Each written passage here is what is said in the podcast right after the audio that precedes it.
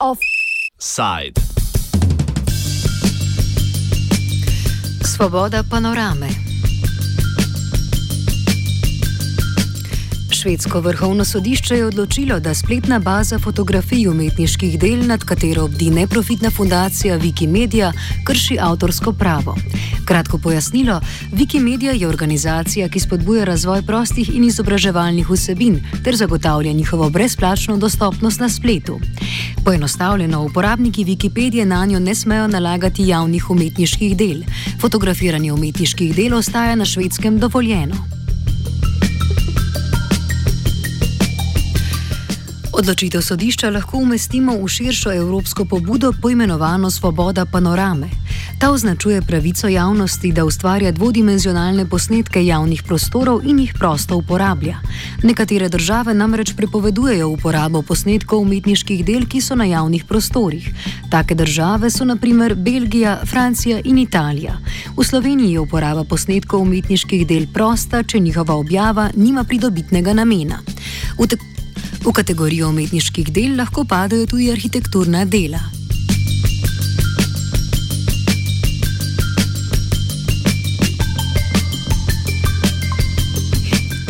Gre za zmago švedskega društva za zaščito avtorskih pravic vizualnih umetnosti, ki je tožbo proti Wikimediji vložilo leta 2014. Ti so na sodišču trdili, da avtori umetniških del ob njihovi objavi ne prejmejo ustreznega finančnega nadomestila. Kaj točno odločitev sodišča pomeni, pove Magnus Anderson iz švedske piratske stranke. Yeah, uh, the Supreme Court has ruled that um, uh, Wikimedia cannot uh, show digital photos of uh, uh, artwork that is actually um, in public. So that that is the the court rule. Um, and and the interesting part is that um, Wikimedia is actually just linking to other uh, pictures. Uh, so it's uh, it's more or less like a database rather than uh, pictures themselves. Well, um, the ruling itself is um, what it says is that uh, it's not allowed to digitally um, uh, represent uh, public art. Um, so, in general, um, what we can see is uh, because, and this is a troublesome part, is that anyone taking a picture where there is um, in public, where there is art, could um, be be responsible for doing uh, copyright infringement. Um, and it's kind of hard for um, people to know uh, which art is is uh, copyrighted or not, and also, of course, um, that uh, people tend to spread pictures uh, like um, on Facebook and and uh, and so on, um, which means that very a lot of people will will do uh, copyright infringement without really knowing that they are doing that. So in, in the long run, uh, we see a risk that um, the copyright industry will uh, start to pursue people um, en masse on, on the internet to um, just make sure that the copyright is, is kept.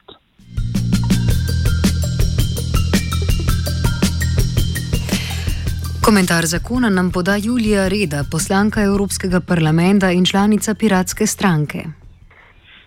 I think uh, the court interpreted the freedom of panorama in a very backwards way. It made a difference between offline and online, and uh, I think it shows that we definitely need a European protection of freedom of panorama to make sure that uh, these kinds of court cases on a national level um, don't lead to things being forbidden in one country and then allowed in another. Anderson nadaljuje, da umikanje posnetkov z javno dostopnih spletnih mest škoduje umetnosti. Yeah, I think that in, in general, um, art is um, it benefits from from uh, from exposure, of course. Much as um, possible, uh, really, because in, in today we have a lot of artwork that uh, people don't know about, that uh, we don't see because we're not there. It, since we have to physically be in, in that spot to see it. So, uh, from a um, artist point of view, I would say that this is this is bad for them in, in the long run because uh, their art will not be as, as uh, exposed as it should be. So, in, in that case, I, I would say that it's uh, really a bad thing. Sedaj pa nazaj k politiki. Reda pojasni, kaj je panorama svobode. So usually under copyright law, you need permission to uh, show a work of art, and um, buildings or uh, sculptures in the public place can also be works of art. Uh, that's why a lot of European countries have the freedom of panorama in their law, which says that if a work is permanently in a public place, like a statue in a park or something like that, then you can take pictures of it and distribute them without having to ask permission uh, from the uh, architect or the person who made the artwork. I think this is really important um, because the public place belongs to everybody and it's necessary uh, for people to be able to show it. Zakoni glede objave posnetkov umetniških del v javnosti se od države do države močno razlikujejo. About half of the countries in the EU have some kind of uh, freedom of panorama.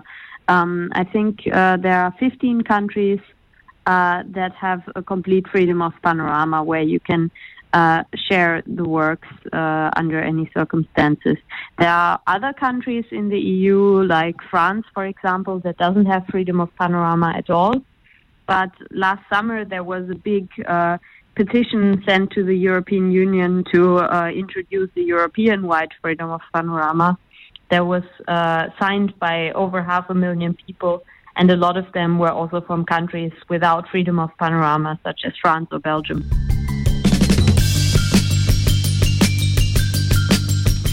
Sodba sodišča se trenutno nanaša zgolj na preomenjeno bazo podatkov.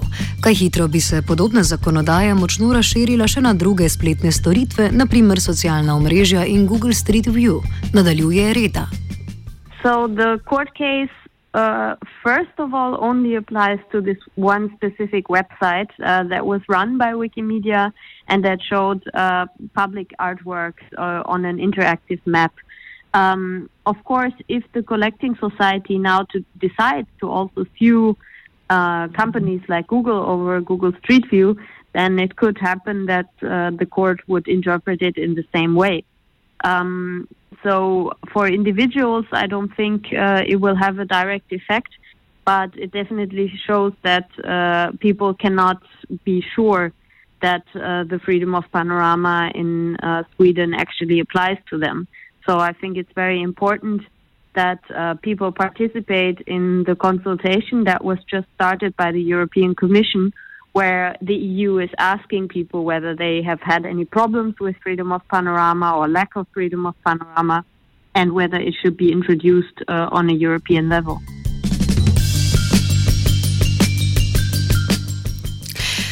Čas za politično angažiranje je sedaj. Javna razprava Evropske komisije glede svobode panorame se je že začela. Uh, the decisive time to become active is right now. Uh, just two weeks ago, the European Commission started a public consultation uh, where they asked people whether they should introduce European freedom of panorama. Now, this consultation, everybody can participate in it, um, and it is uh, uh, running until the 11th of June. So that's the time until when people can send their opinion on the topic. And after this, uh, the European Commission will hopefully propose a new law that will make uh, freedom of panorama mandatory in the entire EU. Trend v Evropski uniji je, da se svoboda panorame uveljavi tako, da gre odločitev švedskega sodišča ravno v nasprotno smer, reda. It's actually exactly the opposite. In the EU, everybody is discussing about extending freedom of panorama and making it mandatory in all of the European countries. And now a Swedish court is limiting freedom of panorama. So the Swedish decision goes exactly against the trend that is uh, to extend freedom of panorama to all of Europe. There are even some initiatives uh, in France, for example. There is a, an initiative to change the law and to introduce freedom of panorama on a national level. And it could very well happen that uh, Sweden will fall behind uh, the other countries in the EU that uh, respect freedom of panorama. Za zaključek Anderson izrazi zaskrbljenost nad izrabljanjem avtorskega prava strani velikih lasnikov avtorskih pravic.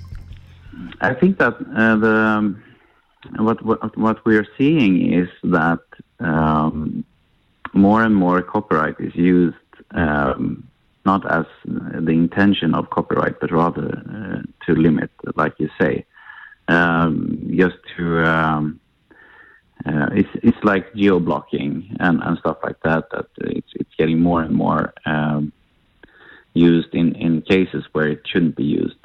Um, and also, since um, internet is getting more and more used, uh, also um, it gets more and more automated. Uh, like all the DMCA um, claims that is done for uh, YouTube, uh, where people is actually being um, uh, cut down or, or stopped uh, showing their own videos, even if, if uh, so it's not even a, a, copyright infringement. It's just that it looks like something that might have been something that is copyrighted.